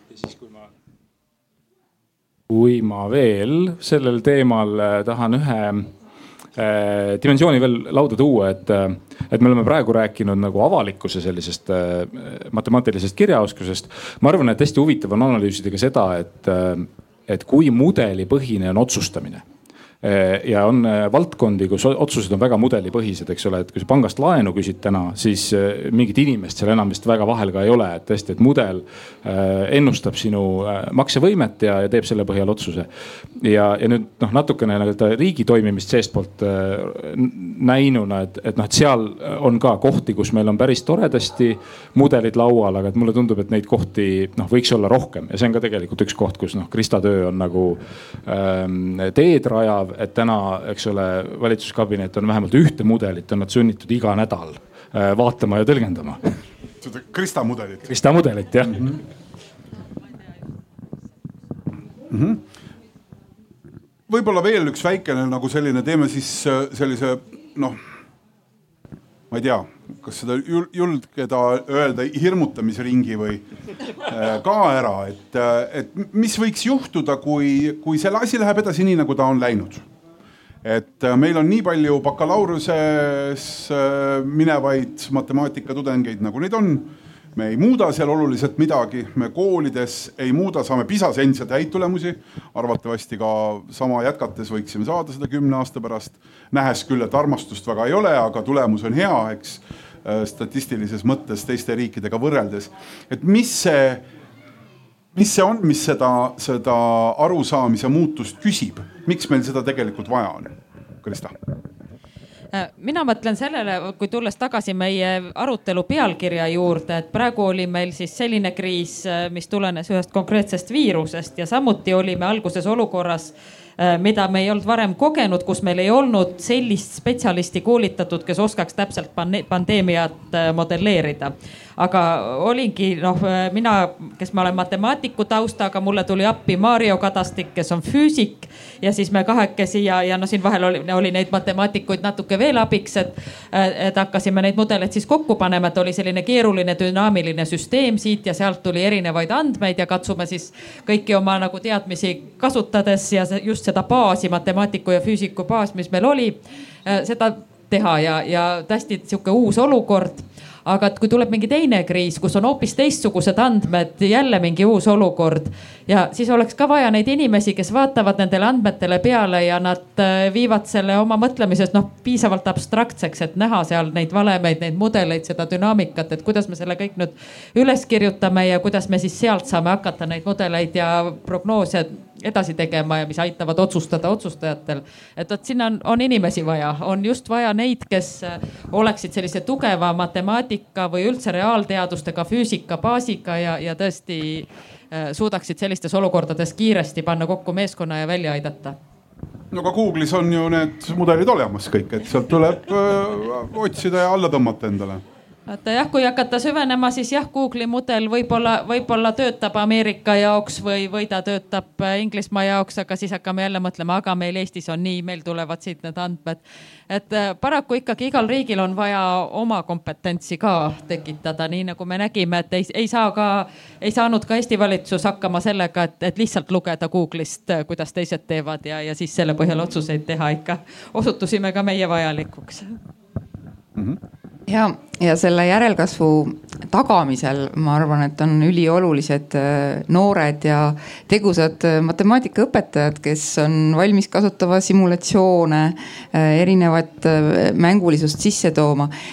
absoluutselt alahindamata seda tööd, mis praegu koolis, koolides tehakse, me matemaatikaõpetajad on, on ülitublid tõepoolest ja nad, nad on saanud hakkama distantsõppega kahel korral, eks ole aga me peame vaatama otsa sellele faktile, et meie õpetajaskond üldse ja eriti matemaatikaõpetajaskond vananeb.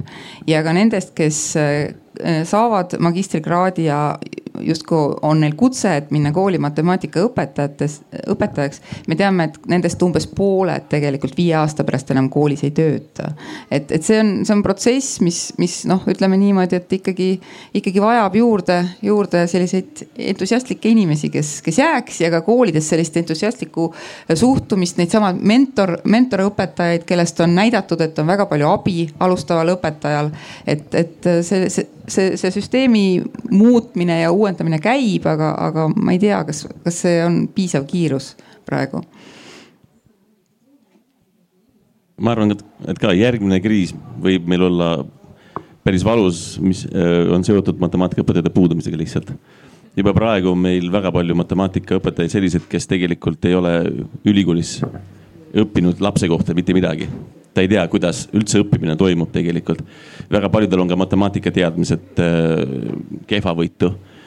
Ja, ja kui nüüd äh, seda uut matemaatikaõpetajate põlvkonda ei teki või tule peale, siis võib see kriis päris valus olla ja see PISA tulemused võivad meil ikka päris kolinal alla kukkuda mingi hetk. et praegu meil on tõesti väga tublid matemaatikaõpetajad, kvalifitseeritud ja teevad väga hästi oma tööd aga see viiekümne aasta pärast võib olla hoopis teistmoodi. Sest tegelikult juba praegu, kui me vaatame, siis Tallinna Ülikoolis eh, kuuskümmend protsenti või rohkemgi nendest, kes lõpetavad meie ülikooli, matemaatikaõpetajad ma mõtlen, nad on juba õpetavad. nii et tegelikult selles mõttes nagu paberite järgi nagu tuleks päris korralikku järelkasvu, aga tegelikult eh, teda ei, noh, see on paberi peal nagu öeldakse, sest enamus nendest juba töötab, nii et nad ei lähe uue õpetajana kirja tegelikult üldse mm. -hmm sama olukord on Tartu Ülikoolis ka, et enamus lõpetajaid juba töötab matemaatikaõpetajana mm. -hmm. Andero, kas sa julgeksid tõmmata kuidagi nagu laiemaks, et, et millised mõjud võiksid ühiskonnal, ühiskonnal olla sellest, et me unustame matemaatika äh, tähtsuse? nojah, ma arvan, et ähm, no ma üldiselt arvan, et meil see oht muidugi väga terav ei ole, et, et, et mu kõrval on inimesed, kes hoolitsevad, et see olukord on ju käest ei lähe ja tõesti, et ega see äh, PISA tulemused, noh, olgugi, et nad on mõnes mõttes petlikud, aga et midagi nad ikka näitavad ja, ja et, et vist selline nii noh, nii-öelda reaalteaduslik mõtlemine ühiskonnas on, on, on Eestis nagu suhteliselt hinnas. aga et, et kui selle mõttemänguga kaasa minna, et siis üks asi, mis Äh, võiks olla murettekitav, on ikkagi seesama selline avalik äh, statistilis-matemaatiline kirjaoskus, mida meil otsuste tegemisel, ühiste otsuste tegemisel hakkame maksudebatti pidama või, või mis iganes see meil tuleb, et on, on oluline. ja võib-olla teine palju kitsam ja oma mätta otsast, et, et, et mina äh, psühholoogia instituudi vastuvõtukomisjoni liikmena Ehm, tahaks, noh, tahaks endiselt näha inimesi, kes ei julge minna matemaatikasse, et tulevad meile. aga, aga et, et, et, et nad ei, et noh, et tegelikult, et nad ei kardaks, ei kardaks numbreid, ei kardaks mudeleid, ei kardaks nagu sellist nagu mängimist, möllamist, et nad ei. noh, et, et noor inimene ei peaks ennast identifitseerima, kas numbri inimene või mitte numbri inimene, et ta võiks, et see, et see valiku identiteedi alus võiks olla midagi muud ja, ja et peaaegu kõigil aladel, kus sa oled, et sa võid endale lubada seda, et oot-oot-oot, kas siin numbrid numbritega ka midagi teha saab? et see oleks esimene küsimus, mitte viimane. jah, jah mm. -hmm et jah, nagu sa ütlesid, et kõik teadused on rakendusmatemaatika lõpuks, et siis ongi, et, et kui inimene tahab ka näiteks teadust teha, ega ta ilma matemaatikata mitte kusagile ei saa. kuulge, aga sellesama, sellesama protsessi kontekstis, millest me praegu räägime, kas need sammud, kõige nähtavam samm, mis on matemaatika õpetamisel, me oleme õpetamise juures jälle tagasi, koolis on astutud, see on siis lai ja kitsas matemaatika et äh, kuidas see praegune tunnetus on, seda ei ole väga kaua olnud, aga ikkagi, et, äh, et mis suunas see kõik töötab? Äh, mis, mis tehtud on laia ja kitsa matemaatika kontekstis näiteks gümnaasiumis?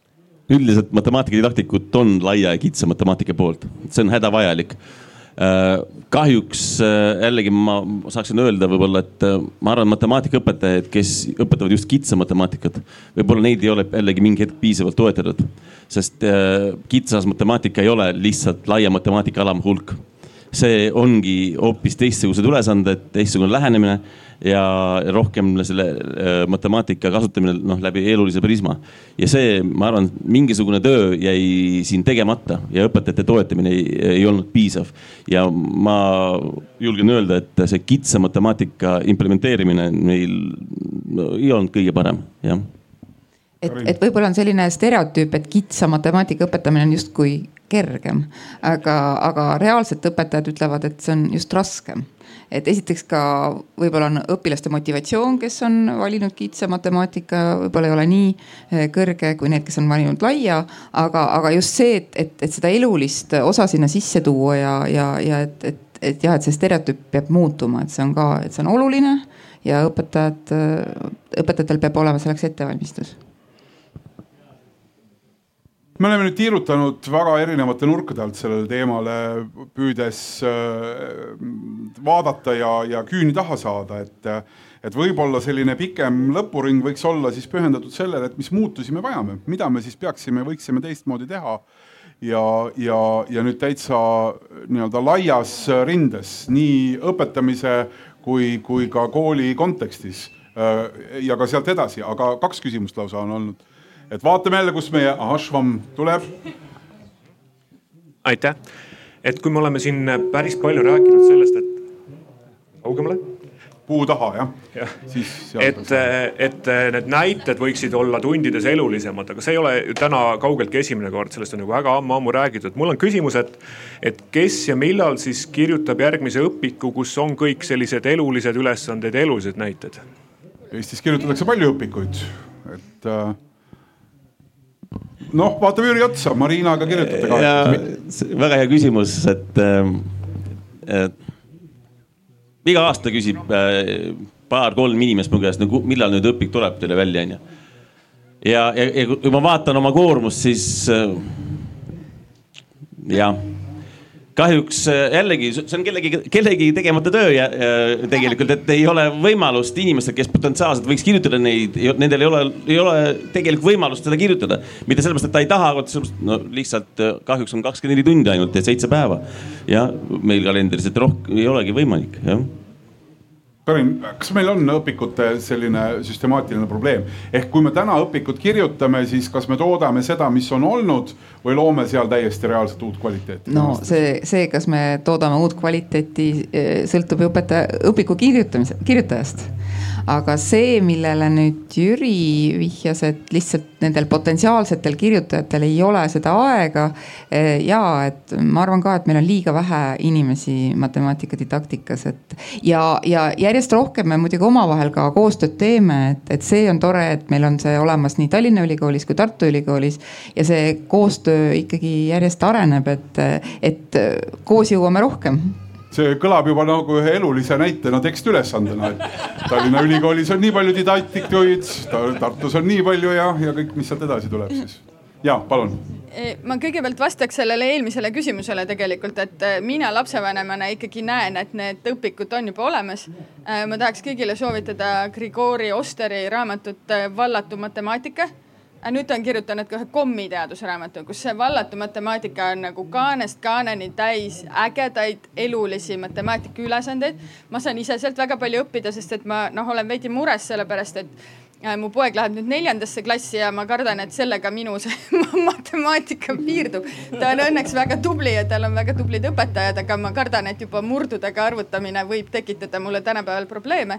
ja sellest ka minu järgmine küsimus, et äh, minu taust on äh, täiskasvanuharidus. ma töötasin sel ajal, kui no ütleme, ma olin üks nendest, kes, kes piiakit hakkas nagu Eestisse meelitama. ehk siis ma tahaksin nagu PISA asemel hoopis rääkida äh, Äh, täiskasvanute oskustest ma loodan, et keegi vastajatest teab seda, et milline selle uuringu andmetel on Eesti mate, inimeste matemaatiline pädevus võrreldes nagu teiste riikidega. ja minu meelest see, kui palju äh, PISA uuring näitab, et äh, need numbrid on väga head on nagu väga kuidas seda öelda nüüd nagu sihuke kitsas vaade, et tegelikult olulisem minu jaoks on see, et mis inimesele täiskasvanuna sellest külge jääb ja ma loodan, et ma olen nagu siinkohal erand, sest et ma nagunii õppisin humanitaarklassis, aga ma ikkagi kardan, et inimesed, kes äh, oma täiskasvanu elus, tööelus matemaatikaga kokku ei puutu, on ikkagi sama kehval tasemel kui mina. aitäh me natuke korraks sellest proovisime rääkida ka siin, aga Piiakini tõesti ei jõudnud, et mida need uuringud päriselt näitavad siis? Ei tea, lihtsalt kardame siin praegu vastata sellele otseselt, et meil ei ole need andmed lihtsalt äh, kaenlas ja kaasas, aga ega seal vist väga kaabuga vehkida ei ole, sest äh, täiskasvanutena seda neljanda klassi juttu räägiks ise ka pikalt edasi siin kohe mingi tunnetuse kaudu aga ikkagi, et, et selle juures, et mis muudatusi me peaksime tegema, et mis need sammud võiksid olla, mis, mis süstemaatiliselt muudaks seda, et see õpiku küsimus kahtlusteta väga hea, noh, viitabki sellele, millele me kõige põhjalikumalt oleme rääkinud, see muutumine õppimises peaks toimuma. aga see on selline suur küsimus, see on, see on pikk protsess. mõlemas ülikoolis tuleks seda juba ju täna teha nende õpetajatega, kes kooli lähevad ja juba seal korraga ka töötavad, eks ju peaks minema sinna see uus arusaamine ja teadmine. kas te olete selles mõlemad kindlad? noh, ei tea, eks, et. eks aga... me ju töötame selles suunas ja anname endast parima aga kindlasti mina usun küll, et meie Tartu Ülikoolis saame sellest aru, et me oleme teel parema, parema äh, õpetajahariduse poole ja et, et ma ei tea praegu siin, kui me istume, meil on ka eraettevõtluse esindaja, et, et, et kust, kust meil tuleb võib-olla ma ei tea, äkki ideid, kus me saame simulatsioonid äh, teha, et, et tegelikult üks asi on, on õpikud, teine asi on digi, äh, digivahendid. kogu see lugu, et, et meil on võib-olla terve tund ette valmistatud digikujul, eks ole. ja, ja et need oleks väga-väga kvaliteetsed, et, et seal oleks see elu sees oleks need simulatsioonid sees. et, et ma üldse ei arva, et üks digitund õpilast iseenesest õpetab, aga aga nad oleks väga-väga suured, suureks toeks õpetajatele. ja, ja, ja võib-olla natukene leevendaks ka seda, seda mm, õpetajate puudust, mis on koolides et, et ikkagi ja mina arvan, et, et me oleme teel parema õpetajahariduse poole, aga, aga, aga me peame veel, veel äh, pingutama selle nimel. ma küsiksin siit, et äh, kuidas nagu see tehnoloogia, mis nüüd koolidesse on jõudnud, ma olen kuulnud, et tahvelarvutid ja igasugused siuksed põnevad mm. asjad on tulnud, et kuidas see nagu õppimist, õppimisel kaasa on aidanud, et ähm, siin mainiti korra, et ähm, viis aastat peab see äh, matemaatikaõpetaja vastu ja siis võtab endale uue väljakutse, et ähm,. et kui läbi selle tehnoloogia oleks võimalik näiteks matemaatikaõpetaja koormust vähendada või lihtsustada tema mm. tööd, et kas sellel võiks olla efekti, et need inimesed ikkagi jääksid õpetama äh,? no nad on need, kes on ära läinud, on võib-olla välja toonud rohkem sihukest inimlikku poolt, aga, aga ka töökoormust ja ka töökoormust ja, aga just ka seda, et, et võib-olla ikkagi algul ei kujuta päris täpselt ette, et kuidas nii paljude noorte inimestega korraga suhelda, näiteks seda. Et, et need digilahendused kindla peale, et noh, lihtsalt äh, ütleme, see olukord, milles me oleme olnud siin äh, nüüd poolteist aastat või, on, on pannud äh, õpetajaid otsima erinevaid lahendusi ja nad järjest särasilmsemalt räägivad nendest. kogukonnad on tekkinud, kus nad jagavad neid kogemusi, milleks üks või teine õpivara hea on, nii et, et mina olen selles mõttes hästi positiivne, et, et seda, seda digitaalset äh, õpivara suurendades me saame vähendada oma õpetajate koormust kindlasti mm. -hmm. ja, ja, ja tekitada huvi äh, ühtlasi õpilastes, eks ole. Ander mina tooks lauda äh, hoiakud ja, ja uskumused, millest me alguses rääkisime, et me jõudsime lahti rääkida selle, et, et, et sihuke uskumus, et, et matemaatika on ennekõike võime küsimus ja mikroskoopiliselt töö küsimus, et see on ohtlik ja, ja et tegelikkuses on ta väga suures osas töö küsimus. Ja, ja seda on noh, see on miski, mida me saame kõik teha äh, nii õppijana kui lapsevanemana kui, kui lihtsalt kõrvalseisjana ja, ja võib-olla saab meelde endale jätta ka, et, et mitte nagu panustada kahte levinud müüti, et ühte me oleme juba täna käsitlenud, et see on müüt sellest, et on olemas siuksed olemuslikud humanitaar- ja reaalinimesed. et, et, et, et tõepoolest inimesed on erinevad, aga, aga et see ei ole kuidagi niimoodi ette määratud, et, et kumb sa oled. ja teine müüt, millest me ei ole rääkinud, aga mis muidugi puutub siia ja millest teistel lavadel ka ikka räägitakse, on muidugi see, et me ju äh, sageli arvame, et, et see, see reaalsus ja humanitaarsus käib kuidagi sugupidi millel on ka väga-väga vähe tõendeid, et, et isegi kui mingisugused nagu sugudevahelised erinevused inimeste äh, nii-öelda gruppide keskmises on, et see on ka selline nagu matemaatilise kirjaoskuse üks küsimus, et, et kui, kui me ütleme, et, et poisid on matemaatikas paremad kui tüdrukud, et mida see tähendab? ma arvan, et inimene mõtleb selle peale, et ma olen tüdruk, et ma olen halvem kui kõik poisid et ükskõik milline poiss võta, et ta on minust parem. Tegelikult, eks ole, et kui reastada tüdrukud selle alusel, et mitu punkti nad matemaatikaeksamis saavad ja reastada poisid, siis need on, eks ole, kaks kõrvuti rivi, võib-olla üks poiss on ees ja siis tuleb tüdruk, ehk siis, et, et keskmine tüdruk on parem kui nagu nelikümmend üheksa protsenti poisse. et, et see, et on kuskil mingi gruppide vaheline erinevus või see, et sa oled, on ju humanitaarklassis või reaalklassis või et, et, et, et neid asju mitte nagu äh, üle tähtsustada.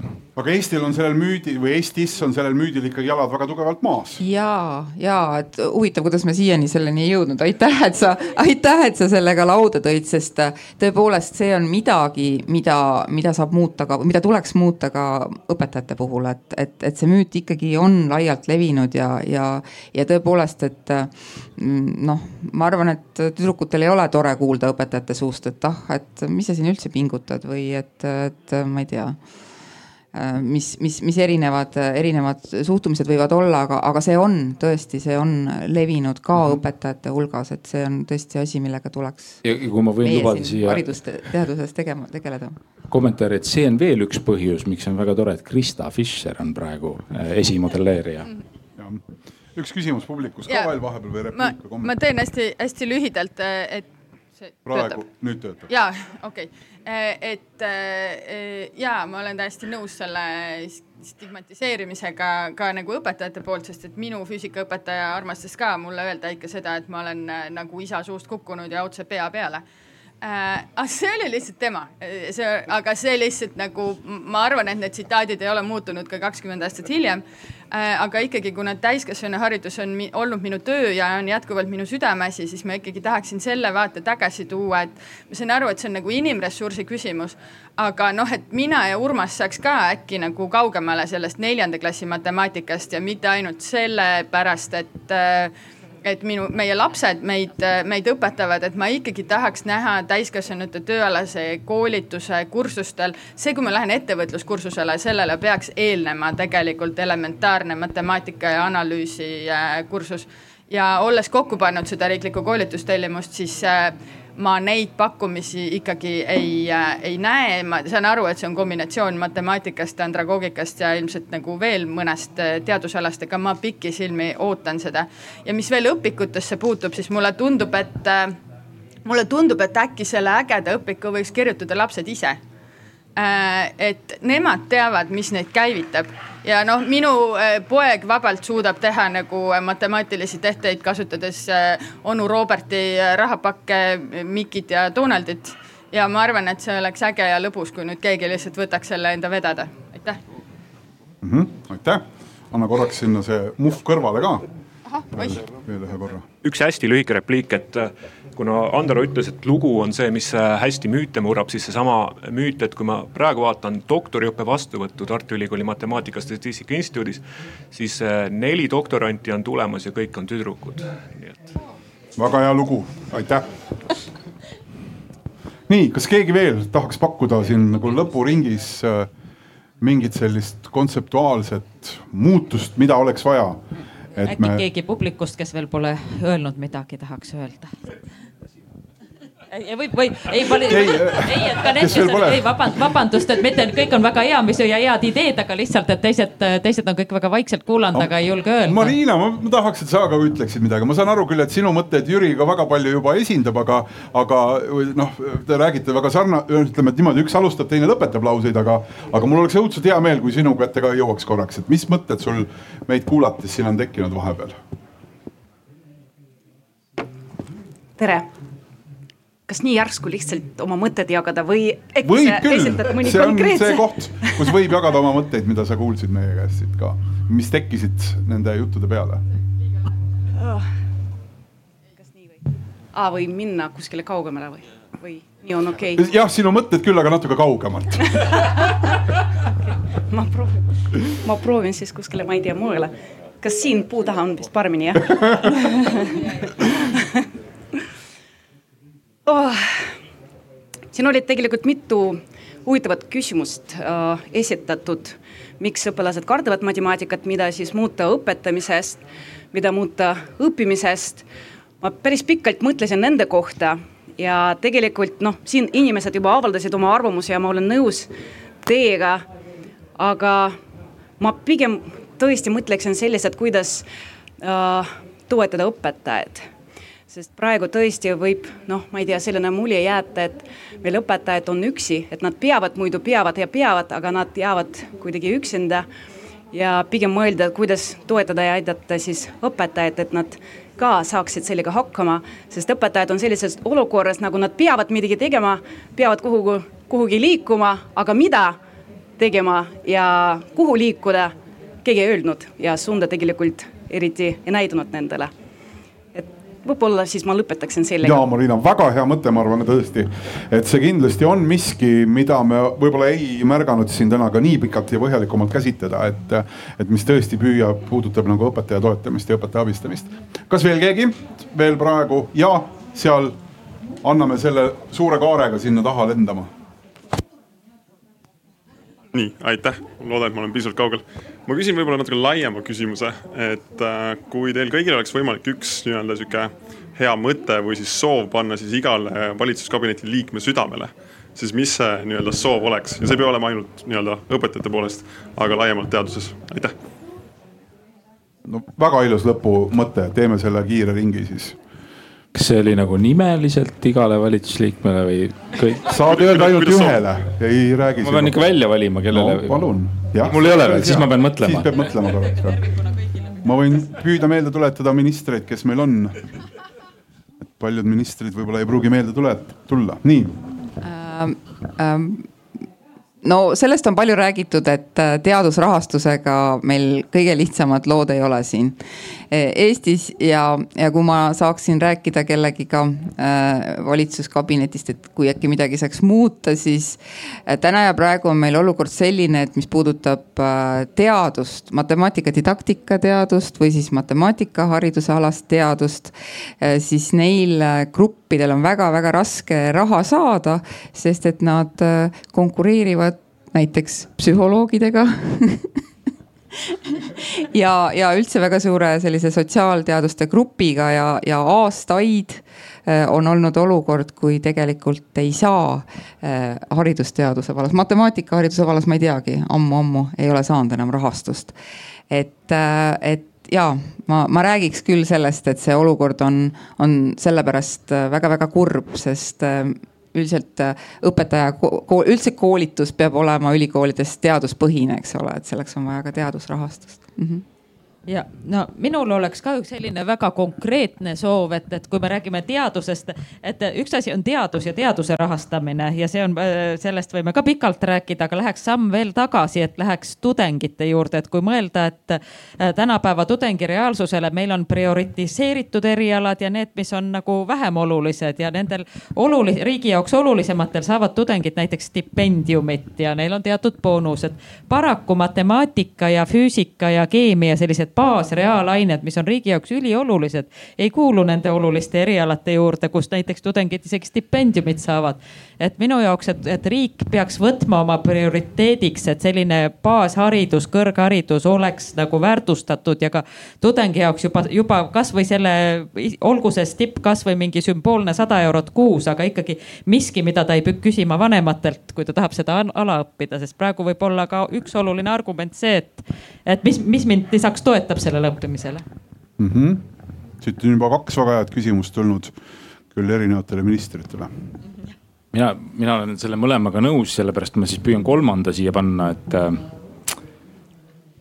et see on võib-olla kõigile ministritele ja paras pähkel, et, äh, et kuidas kasutada teadust rohkem äh, riigi kvaliteetsel juhtimisel. et kuidas teha juhtimisotsuseid, mis on äh, teadusega kooskõlas ja see on selles mõttes paras pähkel, et siin äh, tegelikult lihtsaid vastuseid ei ole, et, et lihtne vastus, mis võib pähe tulla, oleks see, et aga laseks siis teadlastel riiki juhtida. see, see ei ole hea mõte erinevatel põhjustel. siis võib mõelda, et noh, et, et küsiks alati teadlastelt, siis teadlased ütlevad, et meil pole aega, seda on isegi on proovinud, on ju. nii edasi, aga et üks asi, mis mulle tundub, ähm, on Eestis nagu kanda kinnitamas ja on, on väga-väga hea mõte, on eksperimentaalse meetodi kasutusele võtmine riigi juhtimises ehk siis teaduslikku meetodit, et noh, teadus ju mõnes mõttes on, äh, on tegevus selleks, et saada tõele lähemale ja jah, jah ja, ja nüüd üks viis, kuidas nagu tõele lähemale saada, on proovida ära ja, ja, ja tõesti mõõta ka tulemusi. Ja, ja, ja idee on siis noh, näiteks selles, et kui on, on välja mõeldud mingisugune uus ähm, meede, et, et, et hakkame sotsiaaltoetust maksma ma ei tea, mitte üks kord kuus, vaid kaks korda kuus. Äh, et, et, et on erinevaid argumente selle poolt ja vastu, on erinevaid maailmavaatelisi nagu põhjendusi, et vaat, et see ikkagi usaldab inimest liiga palju või liiga vähe. ja tegelikult me ei tea, me ei tea enne kui me proovime ja nüüd, kui me proovime niimoodi, et me teeme selle seaduse ainsalt, viime selle seaduse ellu äh,, kulutame poliitilist kapitali ja tagasiteed sealt ei ole, et me võime teha vale otsuse. et, et võiks proovida niimoodi, et me näiteks kuskil Rõuge vallas, eks ole, teeme selle ähm, pilootprojektina ära. Äh, lepime enne kokku, mis on need väljundid, mida me jälgime ja leiame kuskilt ühe võrdväärse valla, kus seda ellu ei viida ja võrdleme neid tulemusi. ja suhtume sellesse normaalselt, et see, et kui midagi valesti läheb, et keegi ei ole nii valesti teinud, et, et selline ettepanek. selline julgus eksida, mida Jüri siin kirjeldas, et ju, ainult julged inimesed teavad matemaatikat, nii kui minu mälu ei peta, siis juba aastaid-aastaid haridus-teadusministeeriumis pole olnud inimest, kes üldse esindaks või vastutaks kuidagi matemaatika arendamise eest seda lihtsalt ei ole seal. ma tean, näiteks on mul hea kolleeg äh, olemas seal, kes on loodusaineid esitamas, aga näiteks matemaatikud ei olegi haridus, haridusministeeriumis olemaski selles mõttes ja ma arvan, see on väga suur probleem. et me peame sinna ikkagi tekitama matemaatika suurt sellist suurt olulist valdkonda kellegi esindama või, või siis, et tekiks mingisugune siis äh, inimeste, matemaatika ja matemaatikadidaktikute esindajate kogu, kellel oleks pidev dialoog näiteks ministeeriumiga. seda ei ole, kui päris aus olla. no nüüd on uus kantsler, kes on vähemalt matemaatikutega koos töötanud jah, selle kantsleriga matemaatikaga, temal on matemaatika kõik korras jah, selles mõttes Äh, ja, ja ma võib-olla vaataksin seda asja natukene nagu laiemalt ja äh, mulle tundub nagu, et äh, sellisel väiksel riigil nagu Eesti, et meil on vaja ikkagi innovatsiooni teha ja innovatsioon tuleb tänu matemaatikale kindlasti ja ma tahan jõuda sinna, et tuleks suurendada sellist teadusasutuste ja eraettevõtte vahelist koostööd. et meil on suurepärased pead nii teada, teadusasutustes kui eraettevõtetes, aga need, neid ideid tuleb vahetada ja need inimesed tuleb kokku viia seda koostööd tuleb lihtsalt rohkem teha, et see meid edasi aitaks ja innovatsioon on see, mida on võimalik eksportida. eksport on see, kust ainus viis, kuidas Eestisse saab uut raha tekkida, nii et ma usun, et see teadusasutuste ja eraettevõtluse Eh, selline koostöö oleks üks oluline punkt, mis ma neile hinge peale paneks. kindlasti on, aga neid inimesi on vaja kõigepealt selle jaoks juurde, sest nagu Jüri ütles, ta ei jõua kakskümmend neli seitse on kõik tööd ära planeeritud ja tulebki lahutada siin nüüd Jürist. et ta ei äh, jätaks didaktikat ja, ja, ja, ja tegeleks sellega ikkagi edasi aitäh, arutlejad, see oli üks, üks pikk ja keeruline selles mõttes vestlus, et, et justkui need teemad vaatavad meile otsa, see vajadus on justkui olemas, aga pöörata seda laeva ei ole väga lihtne, see on aastatepikkune töö, aga ma väga usun sellesse, et siin kõlas mitmeid selliseid mõtteid, mis aitavad sellel laeval saada uut suunda ja selle kaudu ja selle läbi ka matemaatika muudab oma Eesti ühiskonnas või Eesti ühiskonnas positsiooni ja et ka tulevikus, nii nagu me küsisime, kes seda tulevikus teeb, on Krista nii-öelda rollis uued Kristad, kes, kes suudavad need teemad vaatajatele selgeks teha. Teie ees olid äh, Krista Fischer ja Karin Täht, Andero Uusberg, Priit Vellak ja Jüri Kurvits, suur tänu. suur tänu. tänan